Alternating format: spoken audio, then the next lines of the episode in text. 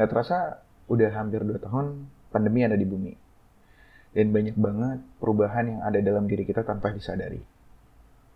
Kayak contohnya, ke mana-mana harus pakai masker. Terus nggak lupa juga untuk sering-sering cuci tangan. Dan gue selalu sedia hand sanitizer kalau ke mana-mana. Ya, hidup benar-benar harus diingetin banget sih untuk tetap bersih. Beberapa kantor udah menerapkan work from home. Ada juga yang shift-shiftan WFH-nya. Um, gue mau nanya sih, beberapa dari kalian yang WFH ngalamin nggak sih nonton film-film jadul yang udah pernah kalian tonton dan kalian mau nonton lagi gitu. Kalau gue kan biasanya ada series Netflix yang udah habis nih dan gak ada season baru. Jadi um, gue mencoba untuk nonton film lama. Dan gue iseng-iseng nemu film lama di tahun mungkin 2008, 2009 kali. Gue lupa detailnya. Tapi gue nontonnya tahun itu. Udah banyak banget film yang gue tonton ulang biasanya sih gue nonton film yang berbau-bau drama kehidupan gitu kayak misalnya The Pursuit of Happiness yang dibintangin sama Will Smith sama anaknya gitu. Terus ada lagi Everybody's Fine. Di situ ada Robert De Niro, Drew Barrymore, Sam Rockwell dan Kate Beckinsale gitu. Kalian sempat terpikir nggak sih sebenarnya some of movies are related to our life? Kayak Pursuit of Happiness, gimana beratnya si Christopher Gardner nih ya, nyari kerja buat kehidupan dia sama anaknya sampai harus rela-relain pisah sama istrinya. Bukan ya bukan ya gimana ya sebenarnya sih lebih tepatnya ditinggal sih. Karena istrinya tuh udah nggak kuat gitu. Istrinya sendiri yang membiayai hidup semuanya dan si Christophernya tuh masih tetap kekeh kalau dia bisa jualan um, alat ronsen jadi kalau misalnya lo nonton tuh filmnya um, planning mereka tuh adalah jualan alat ronsen dengan mengambil semua tabungan mereka gitu loh. Dan ternyata seiring berjalannya waktu alat itu, alat foto itu, gue lupa nih alat ronsen apa alat foto ya gue lupa. Pokoknya untuk di rumah sakit gitu. Alat itu udah udah nggak terlalu laku lagi karena ada alat yang lebih bagus lagi katanya. Jadi plan mereka tuh gagal di situ. Akhirnya istrinya nggak kuat, ninggalin mereka, terus juga si Christopher Gardner-nya nggak ada duit lagi, nggak bisa bayar sewa apartemen dong. Dan mereka hidup um, luntang lantung lah gitu dari jualan alat terakhir mereka. Dan dia anak dia ngajak anaknya gitu loh.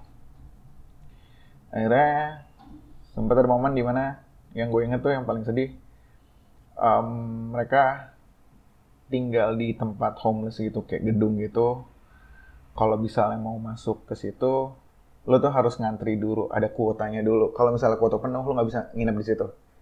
Ada penampungan homeless gitu. Man, that's really sad gitu loh. Sedih banget gitu.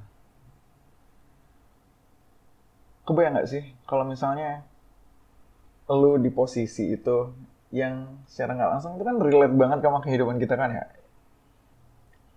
Nggak ada duit, nggak bisa bayar kosan, terus baru aja dipecat gitu loh. Ya sedih banget gitu. Mungkin dari kalian yang bakal berpikir ah lebay itu mah itu lebih-lebihin aja kalau dari film mah gitu kan. Karena ya udah film gitu loh. Jadi kayak hiperbola gitu buat kalian. Tapi coba lu bayangin yang tadi gue bilang gitu lo ada di posisi yang tinggal sendirian di kosan, terus umur lagi produktif-produktifnya cari penghasilan, tapi ijazah lo yang lo punya mentok di jenjang misalnya ya SMA gitu dan lo cuma punya satu skill dan ya itu aja gitu. Dan udahnya lo mencoba ngirim lamaran ke sana kemari ya kan dari kantor kecil yang nggak jelas asal usulnya sampai kantor yang sedikit punya nama dari ya, udah udah mulai terkenal lah gitu kan walaupun kantor itu sebenarnya bukan lu banget, tapi lo mencoba untuk masukin karena dia punya nama.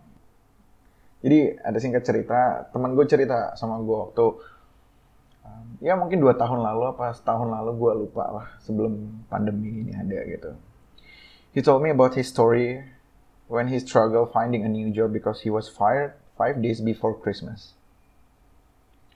Yang di mana gue yakin semua orang nunggu momen itu tunjangan hari raya yang bisa buat kita bahagia dari segi jiwa dan raga.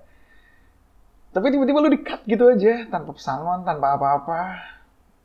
Karena ada sedikit masalah katanya yang which is secara tidak langsung. Dia bilang, kayaknya itu bukan salah gue deh gitu. Dan itu banyak banget kejadian kayak gitu sih. Terus gue bilang sama dia, um, ya coba pinjam duit dari ortu lu aja untuk hidup beberapa bulan ke depan sampai ya setelah tahun baru mungkin ada lowongan-lowongan lagi gue gitu kan. Terus dia bilang ortu aja malah ngarepin gue masa gue tega untuk cerita hal kayak gini? Pas gue tahu itu kayak wow jadi dia tulang punggung banget gitu. Mungkin semesta sayang sama dia karena dia punya sahabat yang udah dianggap kayak abang sendiri.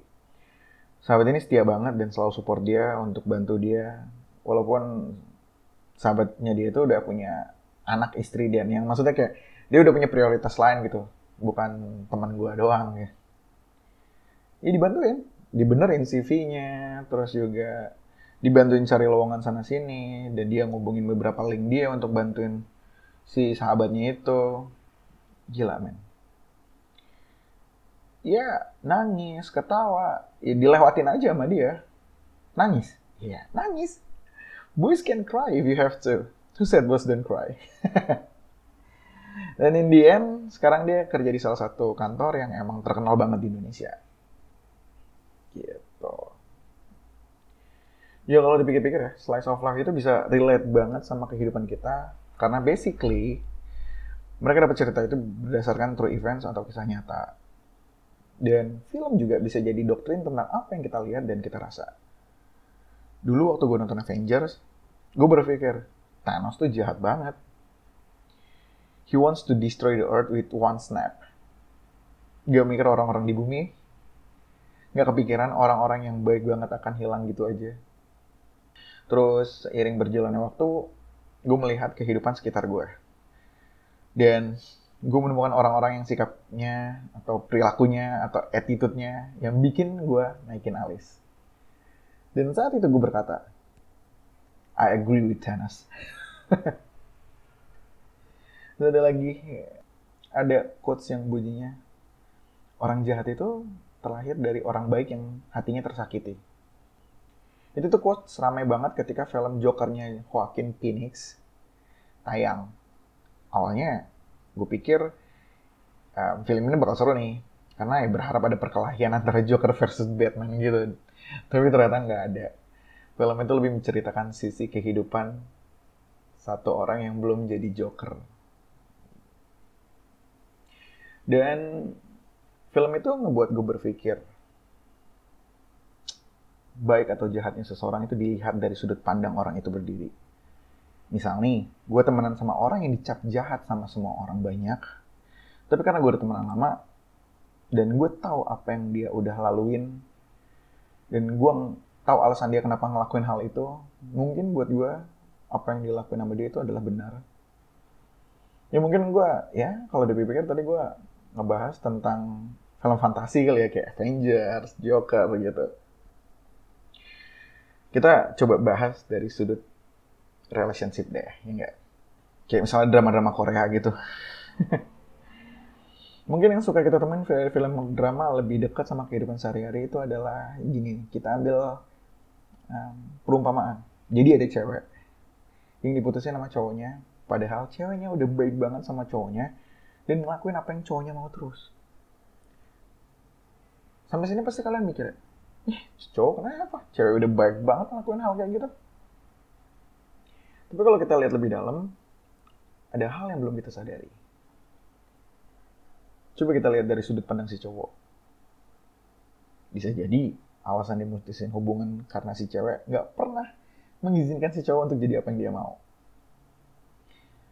Misal nih, si cowok mau beli sepatu, pas lagi nabung tiba-tiba ya si cewek surprise ngebeliin sepatu yang dipengenin si cowok. Itu keren sih. Sumpah. Beberapa cowok bakal bilang, wah ini cewek keren banget ngebeliin apa yang gue mau terus. Tapi sadar gak sih kalau misalnya keseringan kayak gitu, lama-kelamaan, ya lu bakal mikir dong ini kenapa jadi dia mendominasikan hubungan ini gitu loh apa-apa dia terus kayak mau makan dia mulai yang bayarin gitu Sedangkan cowok kan pride-nya tinggi, ya nggak sih? gitu. Akhirnya ya udah diputusin karena hal itu. Mungkin mereka udah ngobrol. Mereka udah ngobrol, gue pengen jadi, maksudnya kayak izinkan gue menjadi laki-laki, biarkan gue yang melakukan semuanya. Tapi si cewek, karena dia ngerasa, ya mungkin ada beberapa faktor gitu loh. Yang misalnya entah cowoknya kurang dari materi, atau si cowoknya nggak tajir, kayak gitu, itu mungkin ada lah. Dan akhirnya, ya gitu deh. Dan sadar nggak sih teman-teman? Kalau kita ngomongin film, sekarang itu banyak banget film yang memberikan sudut pandang dari sudutnya si villain. Kayak film Venom, Joker, Suicide Squad, dan masih banyak lagi. Kenapa? Apa biar karena kita bisa melakukan hal kayak gitu? Ya enggak dong. Karena biar kita punya sudut pandang lain dari kisah hidup seseorang. Gak melulu yang baik itu selalu right, atau yang salah itu selalu wrong. So, gimana hari ini?